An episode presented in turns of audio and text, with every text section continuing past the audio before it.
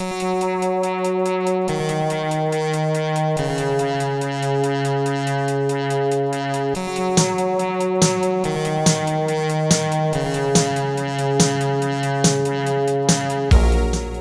to First Draft with me, Sarah Enni. Today I'm talking to Anna Carey, author of the Eve series and the Blackbird series, the second book of which, Deadfall, is out now. I got the chance to meet up with Anna in her home in East LA, with mid century decor and a gorgeous view of house smattered hills glowing pink in the afternoon light. Though she's originally from the East Coast, Anna looks as at home among the palm trees as any native Angelino. Anna is yet another example of why bicoastal people continue to charm me. She has the fresh faced beauty of a laissez faire LA artist and the sharp wit of someone raised with New York bagel shops. I first met her many years ago when she was on tour in support of Eve, and at her event she was warm, thoughtful, and pretty darn funny. I'm glad to say she's only gotten more delightful, and our afternoon chat was as illuminating as it was entertaining. So grab some avocado toast relax in an Eames chair, and enjoy.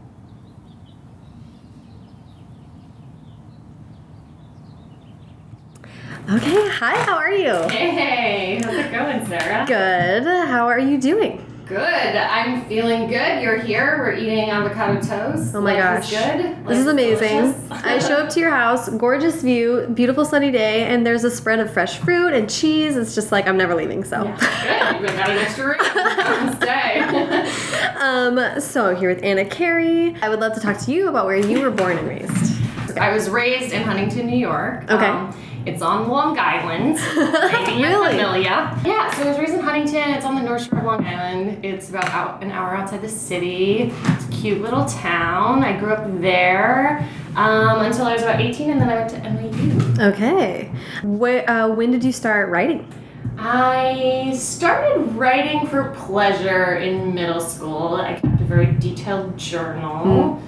Entries range from the death of my pet hamster to just real drama. But I do think that was like the first time for me where I kind of put together that you can express so much and get so much out in write through writing and mm-hmm. being able to put words to feelings was really important especially in that time that like fifth sixth seventh grade time where Yeah. everything feels so overwhelming so that was kind of like the first foray into it and then i took creative writing in high school That is really interesting that you guys had creative writing at your high school. Yeah. Because I feel like most places don't even offer that. Yeah, it was senior year. It was kind of a mix of poetry and short stories, and that was when I started having fun writing short stories and you know creating characters like very thinly veiled versions of myself. Yeah, yeah. But whatever.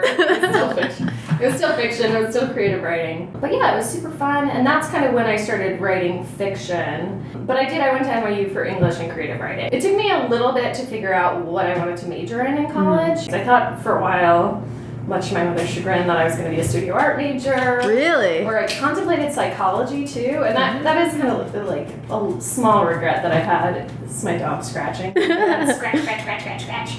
That is like a small regret is that I didn't double major in psychology. Kind of understanding why people do the things they do. I think that's part of writing, and I think that's why I'm so fascinated with it. Like understanding people's motivations and how different people operate in the world and how experience translates into action. Mm-hmm. how one experience can inform the rest of your life in some ways, you Mhm. know?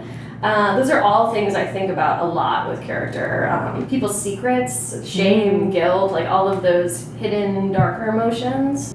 I've always been fascinated by that. Um, what was the decision to go to NYU? Did you purposefully want to stay close to home, or were you? Uh, no, not really. I just, I just knew that I wanted to be in a big city, Mm. and I knew I didn't want a campus, and I knew that I didn't want any sort of Greek life. Mm-hmm. And technically, there is a Greek life at NYU, but like nobody does it. Yeah. And I didn't want like I didn't want like a frat school culture. I didn't want like a sports culture. Interesting. Okay. Yeah, I only visited NYU, and once I went to visit, I knew that I was going to go there. That's where you wanted to go. Yeah. How did you find the city? I mean, being 18 and like Yeah. in New York, that's Yeah, I mean, I remember I had all these theories about the city when I lived there, especially like my freshman and sophomore year. That there's like a dwarfing effect where you just everything is so big and everyone feels so big, and there's all these different industries and there's all these people doing just incredible mm-hmm. things that you just feel. You can feel like you get lost. Mm-hmm. You're so small amidst like the bigness of it, and just feels so huge. Um, more scratching from my dog. Yeah. so so you're at NYU. You decided to do English and creative writing. And what kind of stuff were you pursuing as far as writing? Were you sticking with short stories there, or did you? Yeah, I was writing all short stories there. Wow. Um, and I was writing adult fiction there. I wasn't technically writing YA. I didn't until after college.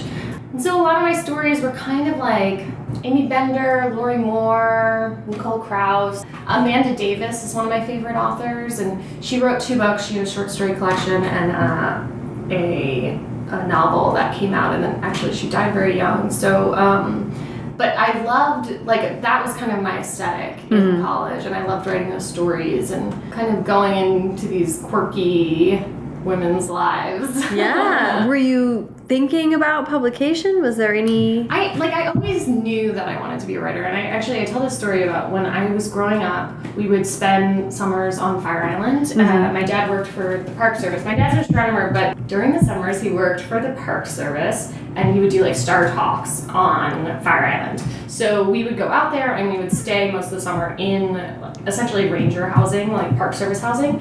And while I was out there, I have this very vivid memory. I must have been eight or nine of one of the rangers kids was this kid who was in high school and he was talking and I said, "Oh, you know, what do you want to be when you grow up?" And he said, "I want to be a writer." And I said, "Everybody," me, the like cynical, cynical little eight-year-old that I was, I was like, "Well, everybody wants to be a writer." And he said, "Well, there's a lot to be written."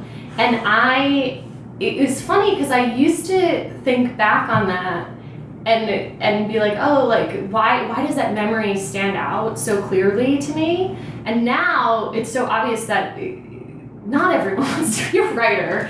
That it was it was this thing that was so innate in me that it was just like, well, of course, like I want that too. Like I really want that, but like how does that happen? Um, but it's like no, people want to be dancers and actors, and everyone has these intentions, but that was always mine. It was just a matter of getting to the point. Like I almost felt like I really had to come to terms with the fact that like you will never be happy doing anything else besides writing. And that was that was kind of after college where I had to admit that to myself. But I I think I kind of kept it quiet for so long because it just seemed so impossible to me. It seemed like how could that ever happen? And then when you look at when you look at a novel on a shelf, it feels so overwhelming. It's like how does this um, how does this go from someone's mind to like being on a shelf? It just feels so daunting.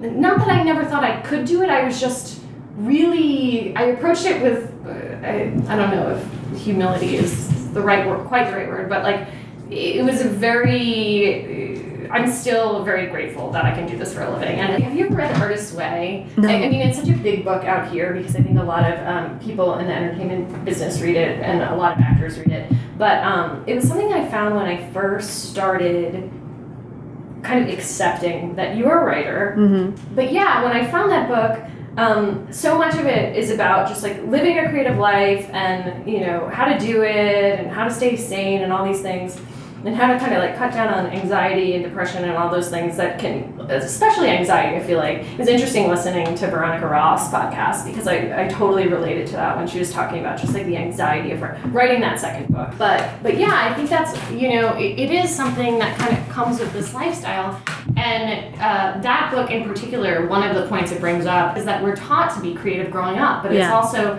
we're we're s- subconsciously sent the message that like this is something children do you know you're you're allowed to be creative um, but you know once you grow up you you get a real job Yeah. you don't, you don't create anymore that's Yeah. that's just something so we're getting such the culture is sending us such mixed messages Yeah. um, it's like, wait, are we are we supposed to value this or not? Because why are we why do we have so much art and music growing up and so many um, of those classes, and then why are we taught to go into like really traditional careers? But I definitely felt that that that was so much of like my internal struggle with it was like around that. Yeah. Okay. Well, and just going back to your story really quick, I think it's also kind of a profound answer to say, well, there's a lot to be written. Yeah. Like, what a great like, who is response. this kid and where is he? I have, I no. I, I have no idea who he is, but like. I love that story. I love that you have such a vivid memory of it. Yeah, and I think it's it's interesting. I did wow, this I probably shouldn't be bringing this up, but that's okay. I'm gonna do it anyway. um, I had a past life regression one time, which was fascinating, which is a whole other story that I could talk about for about an hour. But one of the most interesting things I learned from that is that so much of our memories, like our most vivid memories, it has nothing to do. Like I used to kind of credit vivid memories of like, oh well, the reason you remember that is because that day was so bright and beautiful, and you know it was just that image was so profound, and it's actually completely the emotional tie that we have to it and what we felt in the moment, and that's what imprints on us. That's why it imprints the way it does. Um, it has nothing to do with the actual like setting or anything anything external it's all about like internally how we fe- felt in that moment and there was some sort of realization that was going on on some level which is why you remember it so well Because some vivid Yeah. memories happen in, you know, cubicles or Yeah. grade school classrooms, and it's like, and then sometimes I go on vacation and I'll sit there and stare at something gorgeous and be like, I, I, I will always remember this. I'll always remember this. And then it's like, no, you Yeah. won't, because it's not just about something being beautiful. yeah it's about the emotional impact that mm-hmm. that moment's having on you for whatever reason. It's usually sometimes it's like totally unconscious. And especially some of my earlier memories the ones that are most vivid i look back on now it's because i realized in that moment something about myself. So, okay, you are at NYU, you're writing short stories. How does, I want to know both the discovery of YA and then also the choice of publishing career, and I'm not sure if those intersect. Yeah, so this is all like post college. So NYU, I'm like a closet writer and just like not willing to really admit that I want to be a writer, and I'm still going through that whole like, well, how am I going to make money? How would I even do that as a career? It's not feasible, blah blah blah. Um, so after college, I did the second best thing for me, which is I worked in publishing. So for three years after college, I worked at a big publishing house in New York that I will not name. I was I by the time I left I was associate editor and I was working on movie tie-in books. So basically there would be like the Spider-Man movie mm-hmm. and we would get the script in, we would read it, then I would kind of come up with storylines that we could write. You know how you have the movie tie-ins that there's like eight books. There's like the junior novel and like and there's like Optimus Prime versus Megatron, like the eight by eight book or whatever. Yeah. So um, the coloring and activity book and like all this stuff. So I worked in that, and I actually I started writing a lot of books under a very obvious pseudonym after college, and I was like, okay, this is this is the best possible job I could have. Like I'm working in a creative field. I'm working with books. The, the best possible nine to five job I could have. I'm working in a creative field. I'm working with these books. I'm writing. I'm getting paid to write. They can hmm. pay me to write these books. Okay, like I'm doing pretty well out the gate. After three years of that, though, I could not escape the feeling that I was not doing what I was supposed to be doing. And that it would never be good enough to be working with authors, collaborating with authors, editing books. It would never be good enough to be in that role. It was almost it was almost more torturous in a way to, to be in that So position. close. Yeah, to be so close and so far. The one I, I've learned a lot of things from that job, and I'm really grateful that I had that job because it, it a lot of different things happened, and I had a lot of different realizations in that time. And one of them was that I met so many au- authors that I realized like, oh, this is something you can do. Like this is like Lisa Papademetriou was one of the authors I met. Jon Scieszka was one of the authors I met.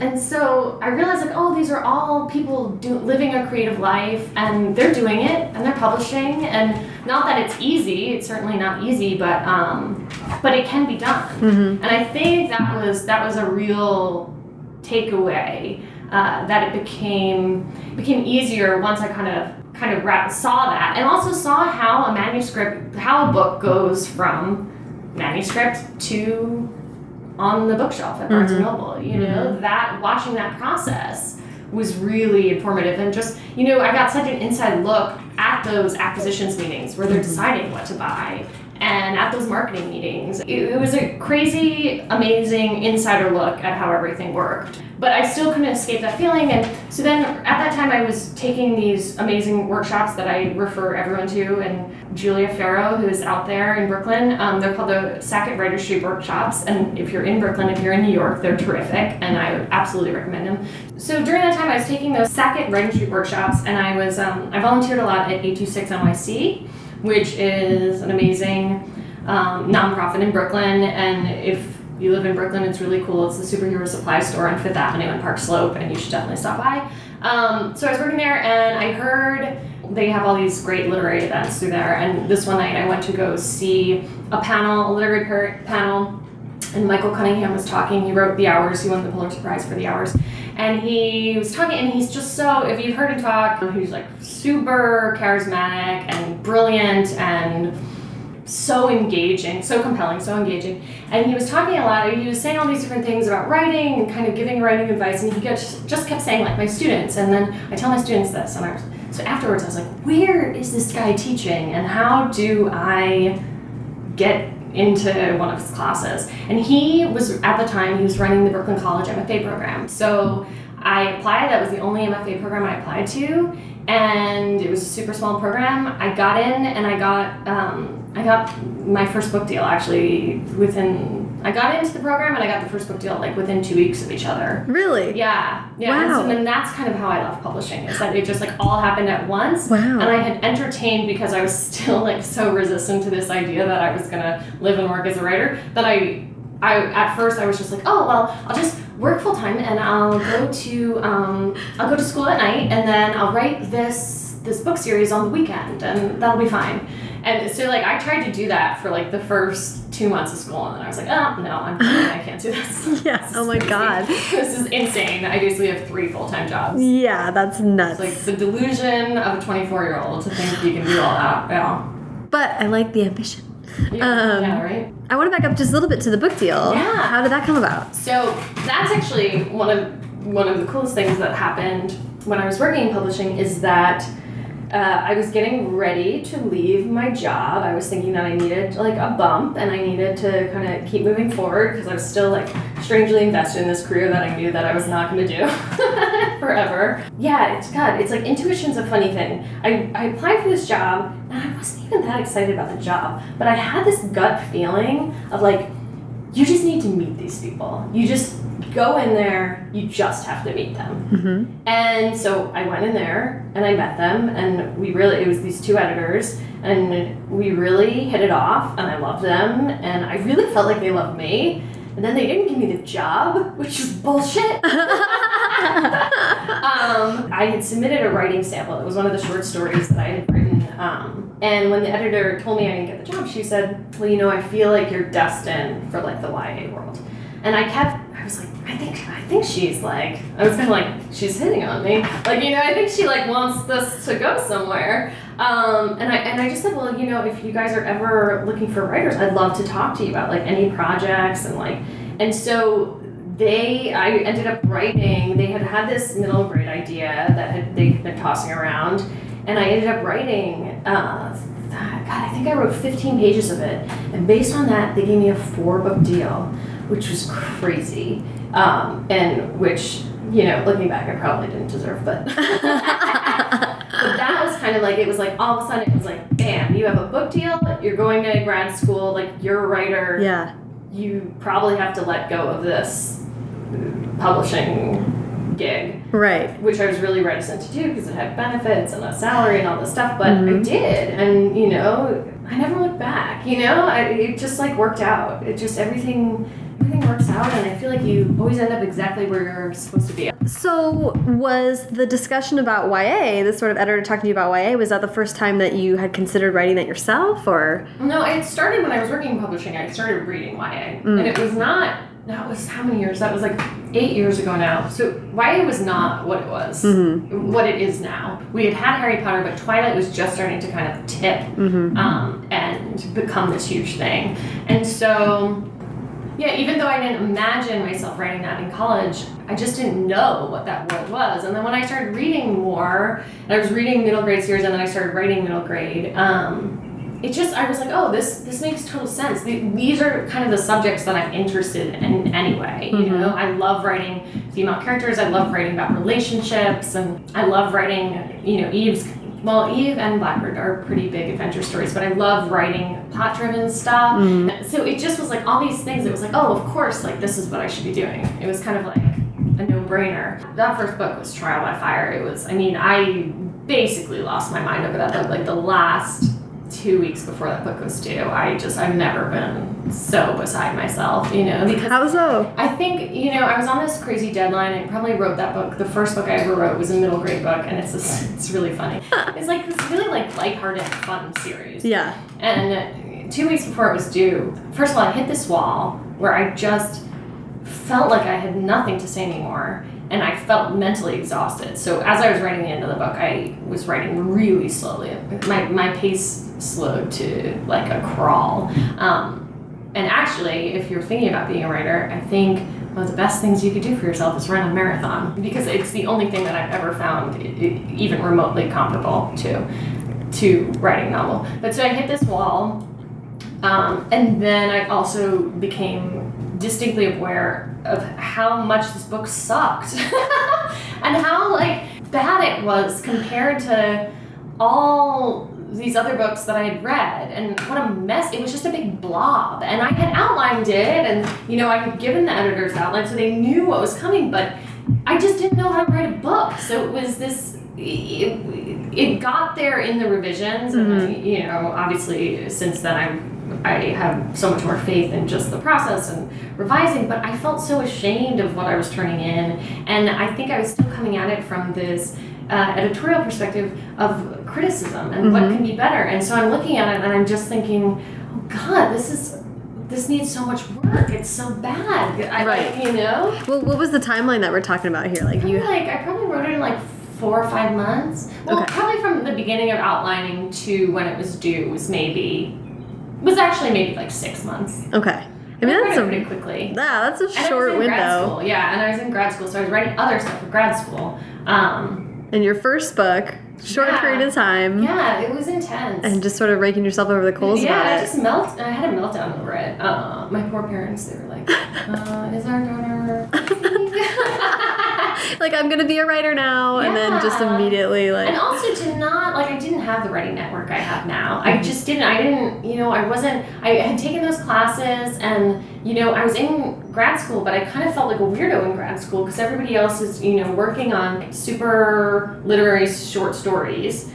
My teachers were all brilliant. Um, but you know they were they were from a literary background. All of them are from literary backgrounds, and here I'm like writing this very commercial book Mhm. and not really able to talk like didn't feel really that comfortable like bringing it into that space Mhm. um, although i you know that was my stuff i don't know it, it probably would have been fine if i had but but yeah so it was just i felt like very alone in it it was such a learning curve but like kind of getting out of that and then going through god what was it like probably three or four revisions of that book and Mhm. making it better that year was probably the craziest year of my life i think Yeah. probably And you're in New York, and you're like 24. Yeah. yeah That's which is a crazy time Yeah. anyway. mm-hmm. Um. Wow. Okay, that's wild. mm-hmm But that was your introduction to children's lit. Yeah. Welcome. Trial by Fire, yeah. How did the subsequent books go? I mean, were you clearly weren't, you know, um, derailed from it? Yeah. Um. So yeah, I didn't get fired. Derailed. What a great euphemism. so you weren't um, you weren't derailed from your um, yeah, they didn't fire me, and I was. I was terrified I was gonna get fired because it was very much like um, a work for hire situation. I mean, I was getting royalties, but it was like, you know, very small thing. Yeah. Um, but yeah, it, I had a very understanding editor who I'm still very good friends with, and she was very kind to me, and everybody was really like, "This is your first book. Don't worry. Like, we're hiring you because we think you're great. and Mhm. Don't worry about it." Um, but yeah, so I just kept going because I had to, and I think you do get to a certain point in a creative life where you just keep going because you have to. Like, you're not gonna give up. So it, it, just keep on at it. You know? I just bought a print today on Etsy Yeah. that said it doesn't have to be perfect, it just has to exist. Yeah. And I was like, that's pretty much what I, need to I'm have. also, yeah, I mean, it's the same quote, but I've heard that it doesn't have to be perfect, it just has to be done. Yeah, you know? exactly. Done is better than perfect. yeah, and then the, what's that other quote? A book's never finished, it's just due. Like, yeah, yeah, exactly. So all of these things, like you just do the best you can, and then You could just keep going back and forth with inspirational quotes. It's like, Ah. um, you can revise a blank page. yeah, exactly. Throw one back at me, Sarah. I'm out. I'm like I'm totally losing this game. Um, the okay, so by the way, that you started with four books. That's Yeah, super insane. daunting. It's. It's like nobody does this anymore. And all connected, all like a series. Yeah, they were series. Only two ended up coming out. I wrote three of them. Um, it was a little paperback series that. Is this like, the the Sloane sisters? Sloane Okay, yeah. yeah, we can say. We can. Okay. We could. Because it's, it's on your Goodreads, so yeah, I saw yeah, it on there. Totally. Yeah, and I mean it's a super cute. I learned to write on those books. I really learned to write a book on those Mm-hmm. books. Yeah. Thank you, Sloane Sisters. Thank you, Andy and Stella and Lola and Kate. It looked adorable. I mean, it looked like it's really fun. I- Yeah. it's so funny. I still like will randomly get an email or two from like girls who run Sloane Sisters. I'm like, so funny. That's adorable. Yeah, I um, love it. So, what kind of stuff were you actually then writing and working on at the, in the uh? I was writing short stories in grad school. I worked actually. I worked on this not the, my my second year. It's a two year program. My second year, I worked on a novel um, that became, in some ways, became like the blueprint for Eve. It's about this woman. She was actually a little older. She was like thirty. She lived in this walled-in society, and she, her sister goes missing. And while trying to discover what happened to her, she realizes she's part of a government experiment, and she has to escape and figure out what's going on. Yeah. So it was terrible though. This book, this book exists somewhere in like the Brooklyn College library. It's terrible. It like it just never worked. There were all these problems with it, and it wasn't until you know I kind of threw that around to my editors and made the main character younger and made it post-apocalyptic that all of a sudden it's like one of my friends who had read both Eve and both um, that thesis. Mhm. Um, she was like, "Oh, like it finally makes sense why there's a wall." Like she was like, when I read the first book, like the adult book, it was like, "Why is there a wall?" It's just okay, weird, fine. But she was like willing to go with it. She's like, "Oh no, like actually, in a dystopian setting, it makes total sense." Yeah. So then you had the like the sort of um like package series that you were that you were kind of Mhm. launching with and then this was an original work you were bringing to your like yeah, team well, this is like more of a development deal where like they they saw it early on, Mm. um, so they were always giving me notes along the way, Mhm. and we sold it together. But but yeah, I mean, it was definitely from that blueprint that like I had I basically been kicking around for a long time the idea of like what happens when you realize that everything you learned is.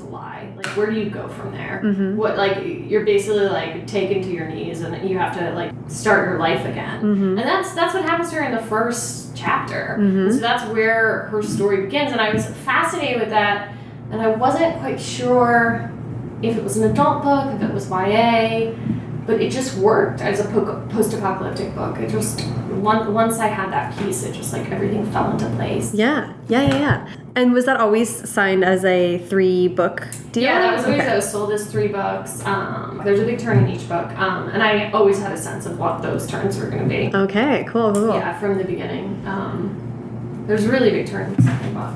Well, and I'd love to talk about the second book. Not to yeah, I I, sure, I let's talk about I am endeavoring to try not to like ask you all the questions you've answered a hundred million times Oh, yeah, about no, Eve or the Eve series. yeah. But um, I would love to hear you talk a little bit about writing series and second books, and that's Yeah. like talk about breakdowns. Like I think Yeah. a lot of people struggle mightily with that. Yeah, it's interesting. Everybody likes Once. Once is the second book in the Eve series. They like that book the best. When I finished that book and the ARC came out, I couldn't even bear to pick up the ARC because I was so afraid of reading it. Oh no. because I just thought like you, the the time crunch on that second book is so intense that I just felt like if there's no way this could be good. You know, like I Mhm. did this. I was revising so quickly and I was moving so quickly through it that like I Mhm. can't imagine. It turned out okay, but every you know people really like that book. Yeah, I felt a lot of pressure with the second book. Um, but you know, I sold Eve on a proposal, so I felt a, I felt the most pressure on the first book. Oh, Um, interesting. yeah, because I had only written sixty pages. I had outlined, I had a loose outline of the first book, and I had summaries of the second and the third book, but Mhm. I didn't, I didn't have the other, you know, what is it like, two hundred pages? Yeah, yeah, yeah. I didn't write that still. Yeah. Um. So On how much of a crunch for that one? that was that wasn't it wasn't terrible. I think sold it in May. Maybe the first draft was due in the beginning of September. Okay. So it wasn't like horrific, but Mhm. it, but it was kind of quick. But yeah, so so I actually felt the most pressure on the first book, and then the second one, because of time constraints, was a lot of pressure. I don't know. I, I've also realized like sometimes when you're so deep in it and you're convinced something's bad, it's sometimes the book that's like the best. Weirdly, because I don't know if you're putting like so much focus on it that you're performing at a different level, or it's the or you're feeling like the strain of performing at a higher level. I, I'm not quite sure what it is. Ira Glass has that whole thing. Have you ever heard his little piece on kind of the gap between your taste and your what you're trying to do and trying to close that gap? And Mhm. then as like creative people, we're just trying to close that gap. And I don't know if that's like the strain you're feeling, like when you're panicking, is trying to close that gap a little more. Like if that's when you're growing the most, and that's why the book is better. I definitely felt that way on the first Blackbird book. That like I, sh- there was so much strain in that book, but I think I grew a lot in the writing of it as well. That that's so interesting. I really love that thinking about that Yeah. as as what you're experiencing. The um, Alison Cherry was really interesting to talk to her about that because her book in real life, she, I think she had a full draft turned into her editor, and the editor was like, "Okay, I like your characters. Everything else has got to go." So she's on. She was on. I want to say it was even like eight weeks, or she had to just completely turn this thing around. And she then at the end of that was like couldn't see straight, you know, Yeah. just totally, totally drained, just ha- had no concept of. And her editor said, This is great. This is a wonderful Like, draft. what? And then she said she was really just like, um, what's even the word? Like, discombobulated by that because she was like, How do I even, like, her judgment, she felt like she couldn't So even trust off. anymore. Like, Yeah. So so fascinating to like so sad to be like i'm like that's fascinating Yeah. what a great let's talk about this worst like moment of your life No, but I, I think it speaks a lot to just how lonely it is as a writer sometimes, Mm-hmm. um, and just how you are. You're on an island, and you're just you're the only one who's holding that world and holding that space, and it's it's really hard to have any perspective on it. Yeah, Um, yeah. Especially as a novelist, like I have, you know, I have friends who are TV writers or who work with writing partners, and it's like, I, part of me is so envious. Uh, you know, 'cause Yeah. it's like, oh, to work on a team, you know, to work on a team of people where you're bouncing ideas off each other and you're like Yeah. have, like you turn your script in and you have an immediate sense of whether it's working or not or, Mhm. you know after you know writing it for three weeks or writing it for Right. two weeks or whatever Right. it's like as a novelist you're sometimes spending I mean, I've had friends who've worked on books for five years, and yeah, maybe you're workshopping it along the way, but it's really like you and that book. Mm-hmm. Ta- let's bring in Blackbird also. Yeah. Do you want to just? Um, I have a few questions that kind of relating the two series together, but Sure. um, why don't you lead us to how that how it came about? It was kind of just like I knew I wanted to write something that was like in a similar vein of Eve, but I wanted to it to be really different. Mm-hmm. I really liked this kind of like idea of this teen girl with no memory. And I know that, you know, I, obviously that's like a trope and you see it in a lot of books, but I really just kind of responded to that. What stood out to me a lot is that I was reading a lot of interviews and, and just things about Blackbird in that series. But then the quote from Eve that you had of, Would you have the courage to relearn your life? is something that you said several times about Eve. And to me, it's just as applicable Yeah. to Blackbird. so I think it's really, it's really. I want to sort of bring that back up again when we talk about moving and stuff like Mm-hmm. that because it seems to me like that's oh, yeah, for sure. the exact feeling of You actually me, uprooting. You see me.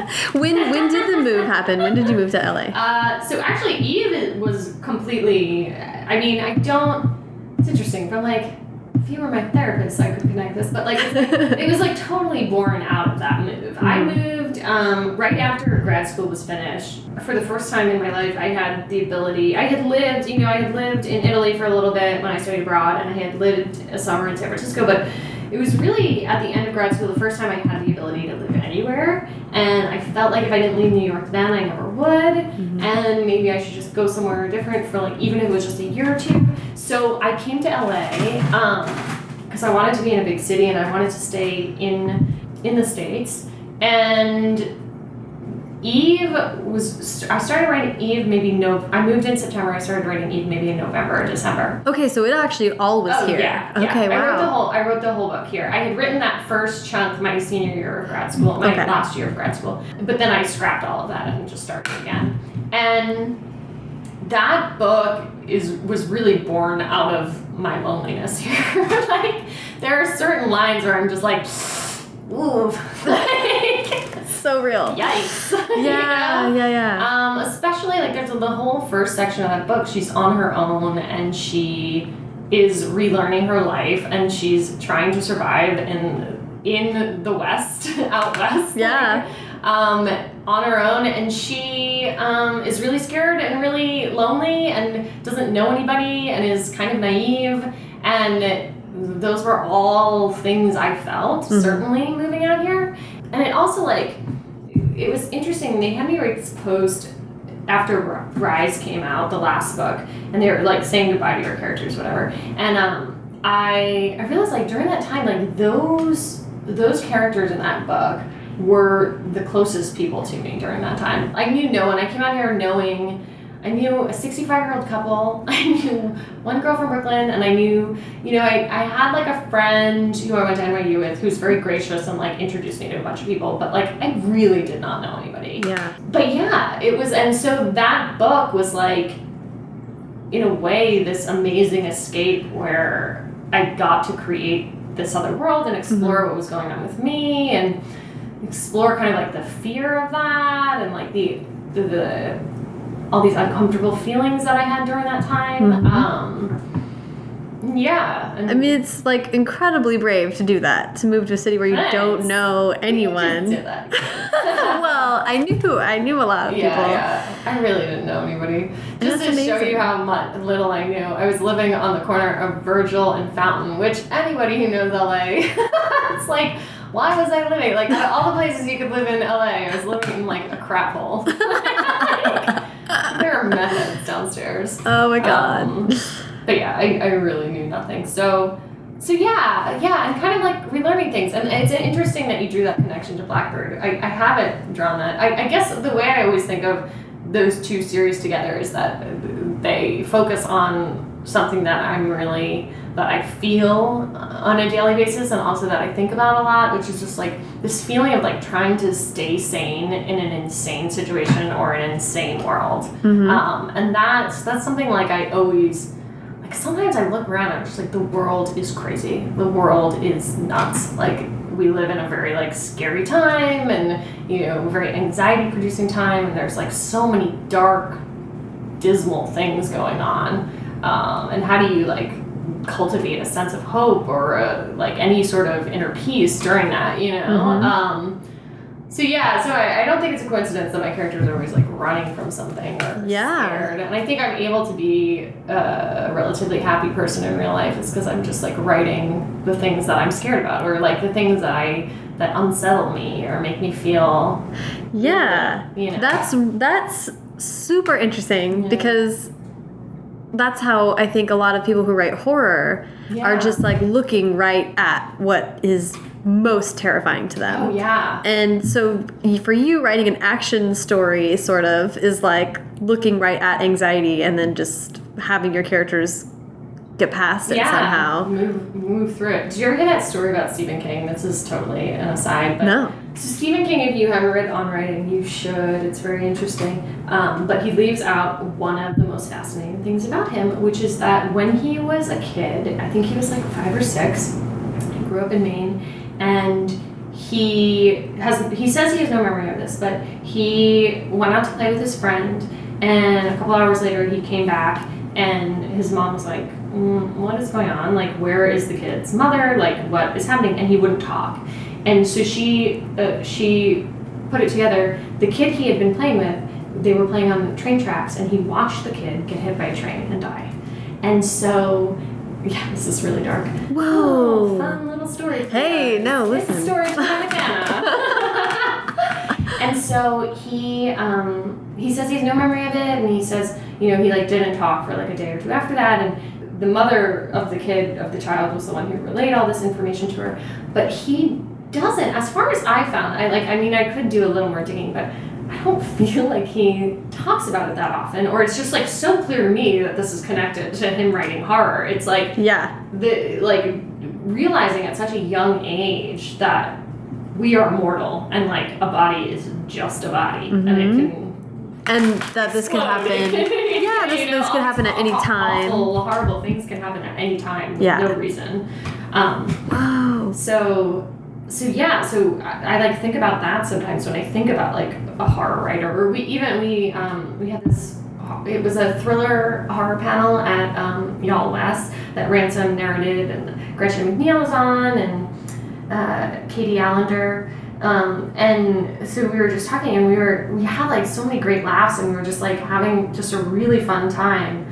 And it wasn't it wasn't until like afterwards I, I can't remember who said it but we were like yeah it's like even though we're talking about all these dark things we were all like pretty like happy jovial people and especially being a gretchen she's like very lively and Mhm. funny. And it is it's like you kind of when you're writing that it's because you're like writing that out. It's it's not because you are that person it's because like you're dealing with that in your writing and then you go and like have a fun time and tell some jokes Right. Well, you're like loosening this like Yeah. high like pressure valve Mhm. um, by looking at it and sort of exercising it in some ways. I think. Yeah. And then then you can I don't know. There's always something really powerful about finding the words to something. Mhm. I mean, I tell the worst stories on earth. Like at dinner parties, I I cannot edit. I have like I'm first draft talking is horrendous. So oh, it's yeah. just like First draft talking is terrible I just need to I, I need to Yeah. find the words for something and like refine the words for something and then I feel like I really understand the experience that I had even, you know. I had a, I had a teacher at um, through Sackett Street, Anna Solomon is her name, um, and she she talks a lot about the revision of memory and how we're like constantly revising our stories so that there's something that we can live with, Mhm. and how people everybody is doing that. So like you can your story about something one year is totally different than what it is five years later, and that we're all revision. We're all revisers, is, is what she would say. And I think about that a lot. Where that is for me, that is what writing and what it fulfills. It's like that, that like clarifying, like clarify, clarify, clarify, and getting to like the heart of like what you think and you feel and what you're afraid of and what you're, you know, it's such a um, process. I feel I, it'll be like in the last book that I wrote, it was maybe 2 years in and I was like, "Oh, I get what I'm trying to tell myself." Yeah. Through this book now, Yeah. it's only taken two years for me to be like, "Hey, I think I'm really writing about this," or what. You know, it's just you're, the, you know, our brains are so far ahead of us. Yeah. it's it sometimes just like takes this really concentrated like creative effort to really Yeah. sort of get to something that matters. Yeah, it's interesting that that word process and like processing is like a therapy word, is a psychology word, and a term of like, you know, I, I don't think that's a coincidence of, um, you know, revising as a process, but like also just all of us are coming to terms with our own stories and and processing at any given moment. Um, yeah. So true. I really love that. And I mean, when I read that quote, the relearn your life quote, it was just like, uh, like it just Yeah. totally hit with moving and everything that I've been going through. And then I was like, hey, wait, isn't that around when she was? It is, and it's like that starting again. And that time, God, that time in my life was, I think I grew the most in those, that year or two. Um, it was just like this tremendous amount of growth very quickly, even though it didn't feel that way at the time. And also, like, I guess, like, the thing I learned from it, let me give you some life lessons. Do it. Um, yeah, the thing I learned from it is like we have all these kind of signifiers that we point to when we create a sense of self. So it's like, okay, well this this is my you know you can this is my house. Right. Okay, so this is my this is my dog and this is my furniture and ooh look I sewed you some farmers market berries and like mm-hmm. blah blah blah and this is my group of friends and this is you know these are the clothes I wear and this is the sto- these are the stores I shop at mm-hmm. and this is this is who I am. And you like construct this sense of self based on kind of these external, you point to all these external things and you say, okay, so like this is, and it helps other people kind of place you. Mm-hmm. Um, and when I moved out here, I had nothing. I've never felt so stripped down. No friends, don't know where to eat, don't know where where to see a movie, don't know where to go shopping. I have I was just starting to get rid of some of the clothes that I bought in those first that, that first year that I moved out because they Yeah. were so wacky because I had no idea where to buy clothes.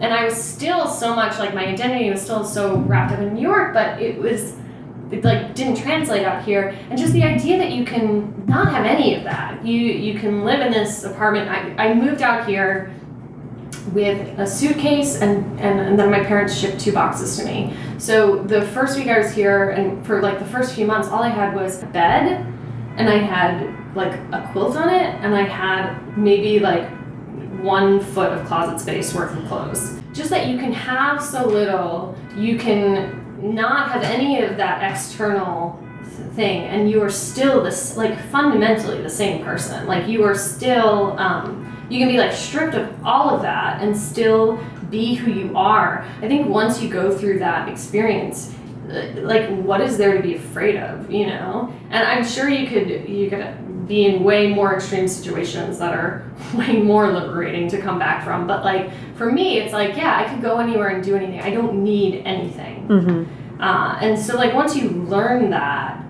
as lonely as that time was, as interesting as that time was, as like, you know, all the different weird, complicated things going on in that time for me, like, once you have that, it's like you're not tied to anything or anyone or these external factors anymore. Yeah, it felt like leveling up a little bit. Just like realizing and then just Yeah. and appreciating things and and then not my big thing was not wanting some of that to come back, you know, and not wanting to get entrenched in some of the same ways because I always want to feel like I understand I could leave or I could move or things outside of myself could make that happen again and I want to remember that I can. Yeah, did you ever did you ever read The Unbearable Lightness of Being? No, I haven't. Yeah, it's a, it's such a gorgeous book. I haven't read it since college, but it was one of my favorite books in college, and like I thought a lot about that. I was in Joshua Tree for for February this year, and I was working and. But mainly what I was doing, I think I was just trying to get back of that feeling of like like lightness of just like floating in space. And it, when I was out there, I'm like living in this rental. I have very little like clothes. I brought a few books with me. I had my dog, um, but I just felt like it was like me and my dog, like just like floating in space. Like there's like nothing that was like tying me to anything, which is kind of like this really scary feeling, but this really beautiful feeling of like just like freedom, like crazy freedom. Um, And it's scary and it doesn't have comfort, yeah, but it's very creatively you- energizing. Yeah, I don't know if you follow Brene Brown, but um, she she has this quote where it's like you can have comfort or you can have courage, but you can't have both. You know, Mm. uh, and I like I love her stuff. I think she's just brilliant, and a lot of stuff she says resonates with me. But but like I I think about that. Okay, but let's talk a little bit more about Blackbird stuff. Mm, yeah. Um, and actually, this sort of ties into setting because I loved that Eve was a West Coast book. Blackbird is, is set in LA. Yeah. But now the next book is taking you. To New York. Back. To New York. It was so weird writing that second book. I finished it like in maybe August. But like I had to look up a lot of stuff. Like Really? I, my like New York knowledge is not as like right there anymore. Yeah. You know? Um it's like looking at a lot of maps and stuff. Which is weird because I lived there for nine years, but I don't know. How did it feel to return in that way? super fun, super great. I, you know, one of the things that I have always had a great time with um, in both Eve and the Blackbird series is like I love taking well-known places and kind of turning them on their head and making them something else. Mhm. So like um, that happens, you know, that happens a lot in Eve. Um, City of Sand is a post-apocalyptic Las Vegas. and Mhm. there's like a lot of different um, things but it was really fun in writing blackbird to write like all these places like she at one time someone chases her into the glendale galleria bathroom and she's like on the run there and there's like a winchell's donut house in the first book so that was really fun like doing that in new york because Mhm. i had never done that there. Like you know eve is so west coast blackbird's so west coast so like taking you know she's on the run in the new york public library at one point and she's there they go to this party that is in like a closed off subway tunnel. And just like remembering those feelings of like when she goes and like she's like waiting outside the brownstone and she's kind of like staking this place out and and actually they're on Long Island in one of, in one part of Deadfall too. So it, Mhm. was, it was just like really cool, really fun to be able to do that in a place that I that I grew up and that I know so well.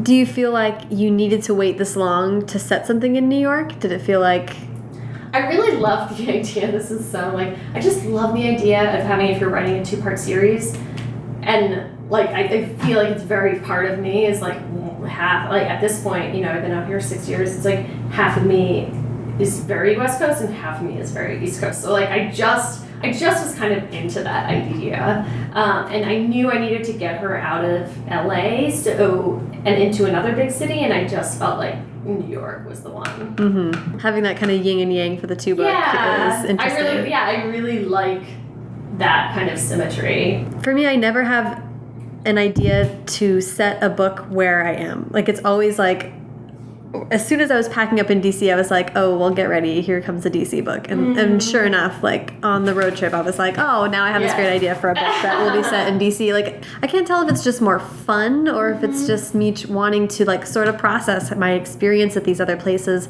But once I'm in somewhere new, I'm always like sort of looking back or thinking about other mm-hmm. places, and I just always end up setting things there. So I was just wondering if that was like And there's like moods to places, you know? Like I remember um, after college, or was it during, yeah, it was during college, I was in Prague, and I remember writing a short story that was set in Prague and just like being so struck by the mood of that city that it was like, I was probably there in like mm, late November, and it was just like something about it the weather and the people and the places that we went. It was just so. That your story has that tone, you know, like it has the tone of the city, and each place has its own feeling. yeah, but like a That's why I vibe. traveling, yeah, is so important.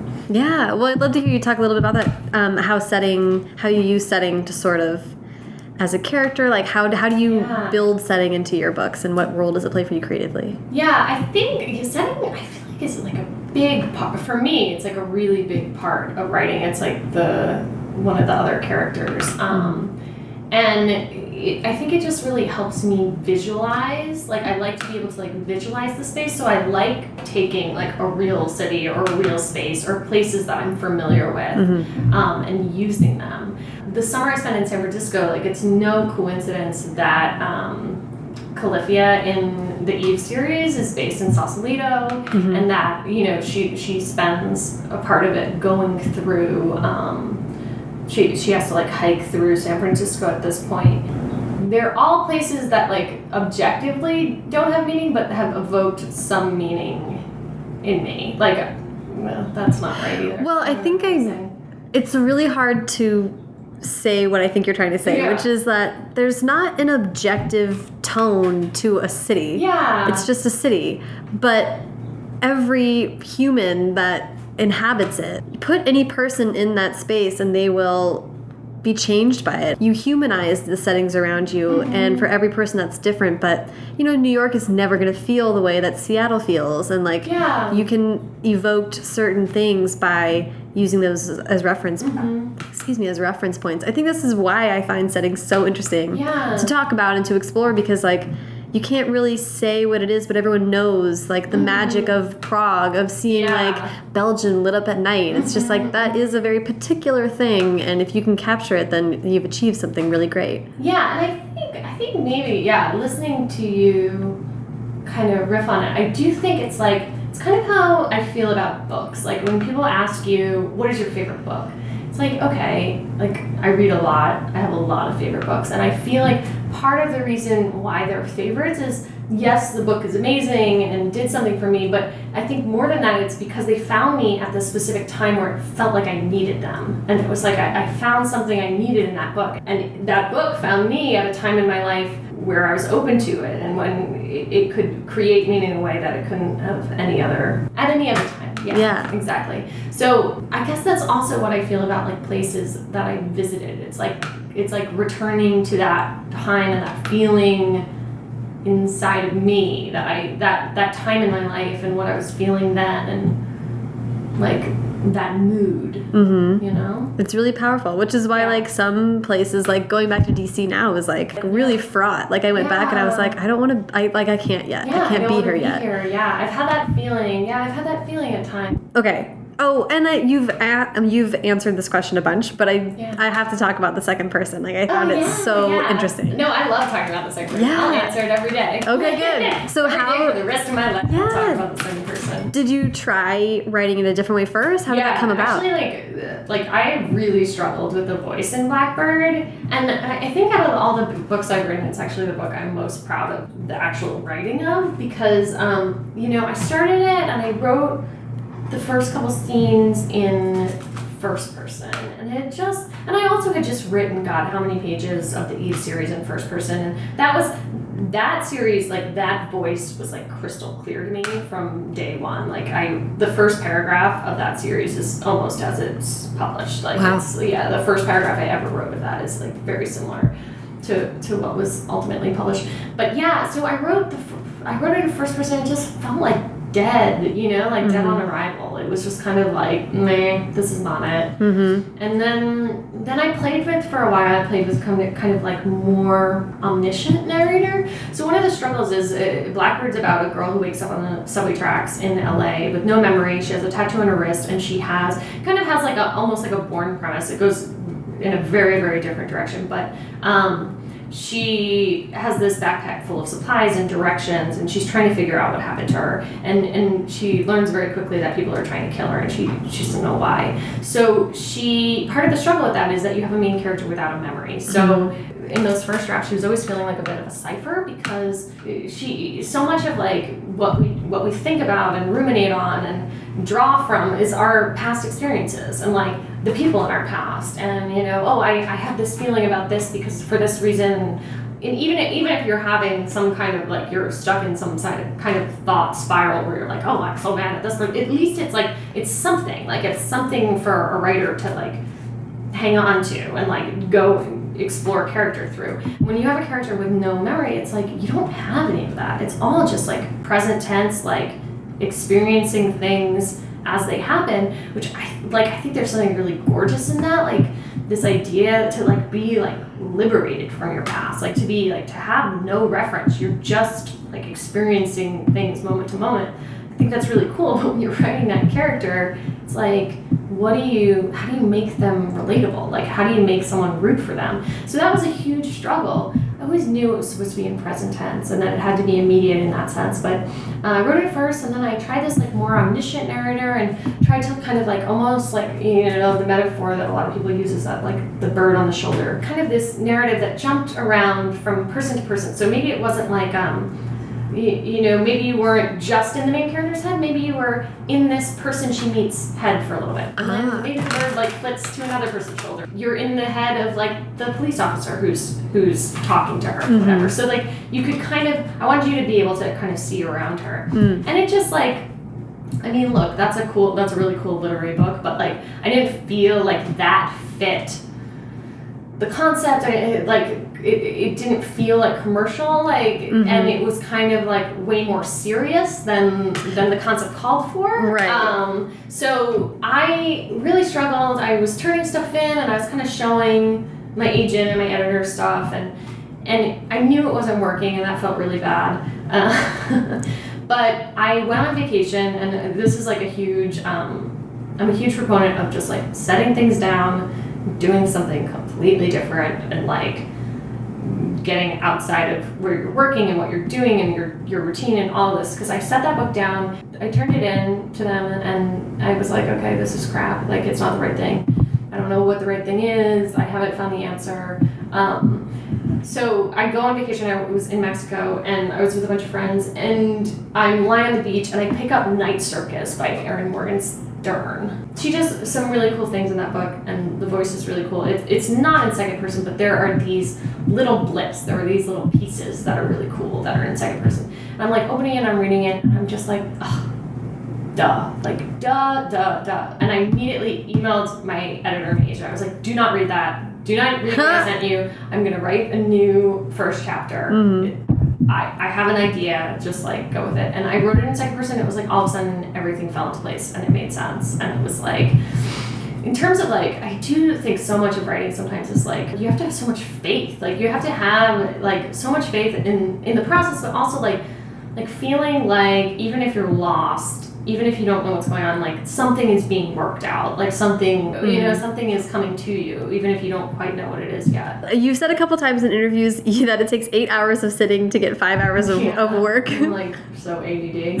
Um, I'm just wondering. self-diagnosed ADD. Like, I was like, what? Because I know what those three hours are for me, but what are those three non-writing hours for you? the three hours are sometimes on the internet if it's not turned off. Sometimes it's like I'm standing up and walking around and like making myself some food, and sometimes I'm just zoning out and daydreaming. I always have like an initial resistance to sitting down and just being in my own universe and being alone for you know six seven hours. So like i feel like i need to like it takes me a little bit to just ease into that. Um, and and it's usually really really slow at first. And certainly at the beginning of a draft it's really slow and it's really hard for like i once i get to a certain clip i really move. Definitely in terms of writing one of my workshops teachers had said that it's like turning a stone wheel it's like a, almost like a stone bicycle wheel and it's but it's like super heavy. But you have to get it spinning at a hmm. certain pace and then once it's spinning it's moving and you just kind of got to keep that up Yeah. um, and then you got to slow it down so Right. it's like it's like managing this thing and when i was talking about kind of marathon running as being the only thing that's comparable i, I think of that 100% like that is the only thing that I've ever been able to compare writing a novel to is like when you start a long distance run, it's just like you feel everything in your body. You feel like your knee is off and your shoulders and like every sort of movement feels awkward and then like you hit like mile three or four, then you're just cruising. You can just cruise like through 20. You can cruise through like 15 miles easily. And then it's like right towards the end of a marathon, you're like, "Ah," everything in your body hurts and you're freaking out and it's all mental and you're losing your mind a little bit. I feel like that was one of the best things I did for myself that's not related to like writing. That helped has helped me tremendously because I like always like that kind of cycle is is really familiar to me. Yeah. Well, I'm like super glad that you made that connection on your own because that was going to be my next question. Was marathon running. Yeah. It's like making me like glow that you're talking about it like this because I'm I'm obsessed with. I'm not that long distance yet. Like I haven't even run a um, half yet, Mm. but running is like where I get book ideas, where Yeah. I work out book plots, where I zone. It's like my meditation. It's like yeah. I feel like a totally like half functional human being without that Yeah. like being a consistent part of my mm-hmm. life. It is so for me it's just so tied to the creative process. It's like crazy. Yeah, it is. It really is. But I don't run long distances as much anymore. But I think there's something really like I feel like running is like almost a spiritual experience in a lot of ways because it's like runner's high is a real thing. And mm-hmm. you like you get to a place where you just it's like the world is just like every flower is blooming for you. you know? Yeah, And yeah. it's like you just feel like filled with love. We've been wrapping up with writing advice. So I would love actually I would love to hear your just your advice for starting writers and I'd also love to hear if you have anything that you still carry from your days as an editor and working on like the publishing Oh, end of things if there's any advice you have or things that you like to keep in mind as a writer from those days. Yeah, well, the the advice that I usually give to writers is um is read as much as you can, write as much as you can, finish what you start, and find the right group of people to share with. And I think to me that has been such so important is like writing workshops, finding a community, gentle, kind people who um, are gentle in their criticism but tell you the truth. You know, there's a saying that like a good criticism feels like an arrow hitting its mark, and every, when someone gives you a note on your piece, it should feel like ah, aha. But in terms of like the publishing world and what I saw from the publishing world, so I think this speaks to it was, or I, I hope it speaks to people who are both like trying to get into publishing or, and publish their book, or also people who are maybe in publishing, they have a book or two out. To me what i love about the publishing industry is that it like everyone just loves books. It's all these brilliant people everyone's super smart super well read living in new york well cultured and they just love books. They freaking love books. And it's like you don't find that community everywhere. And it's such a specific thing and i think once you're in it you can start to feel like okay like i must be this type of writer. Like th- this is what my covers look like, or mm-hmm. you know, this series had this cover, or this is what the marketing team has put me next to this, or my my comp titles or these titles. Like this Right. is where I fit. And I think it's very easy to start to feel like almost like your your sense of who you are as a writer is beyond you, and you kind of give that control over to somebody else. Mm-hmm. And I'm really inspired. I, I saw that you had Lib- Libba Bray on. I haven't had a chance to listen to her, the podcast with her yet, and I wonder if she talked about this because I'm super curious about it. But I'm really fascinated by people who just like kind of say like f that. Yeah. not- I am like I am the source. And I write what I want to write. Yeah. So that is really hard. That's really scary and really hard to do.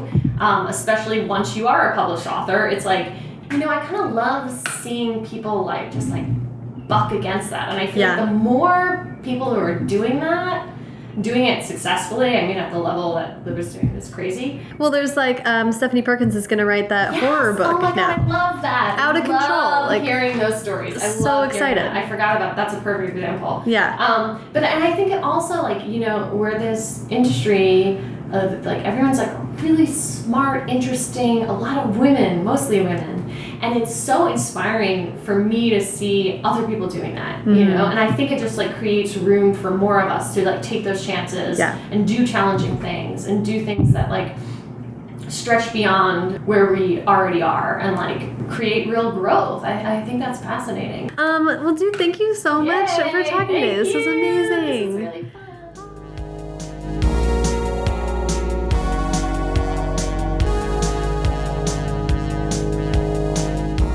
Thank you so much to Anna.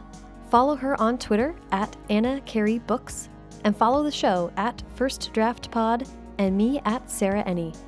You can also follow the show on Facebook and Instagram. But for quotes from this interview and links to the many amazing books and authors Anna and others have referenced, check out firstdraftpod.com. And if you like what you're hearing, swing by iTunes and leave a rating or review. Every time First Draft Pod gets a five star review, my cat Hammer gets a tuna flavored greenies treat. And why would you deprive him of his one true joy? Thanks to Hash Brown for the theme song, and to Colin Keith for the logo. And, as always, thank you, world travelers, for making time to listen. I love you all.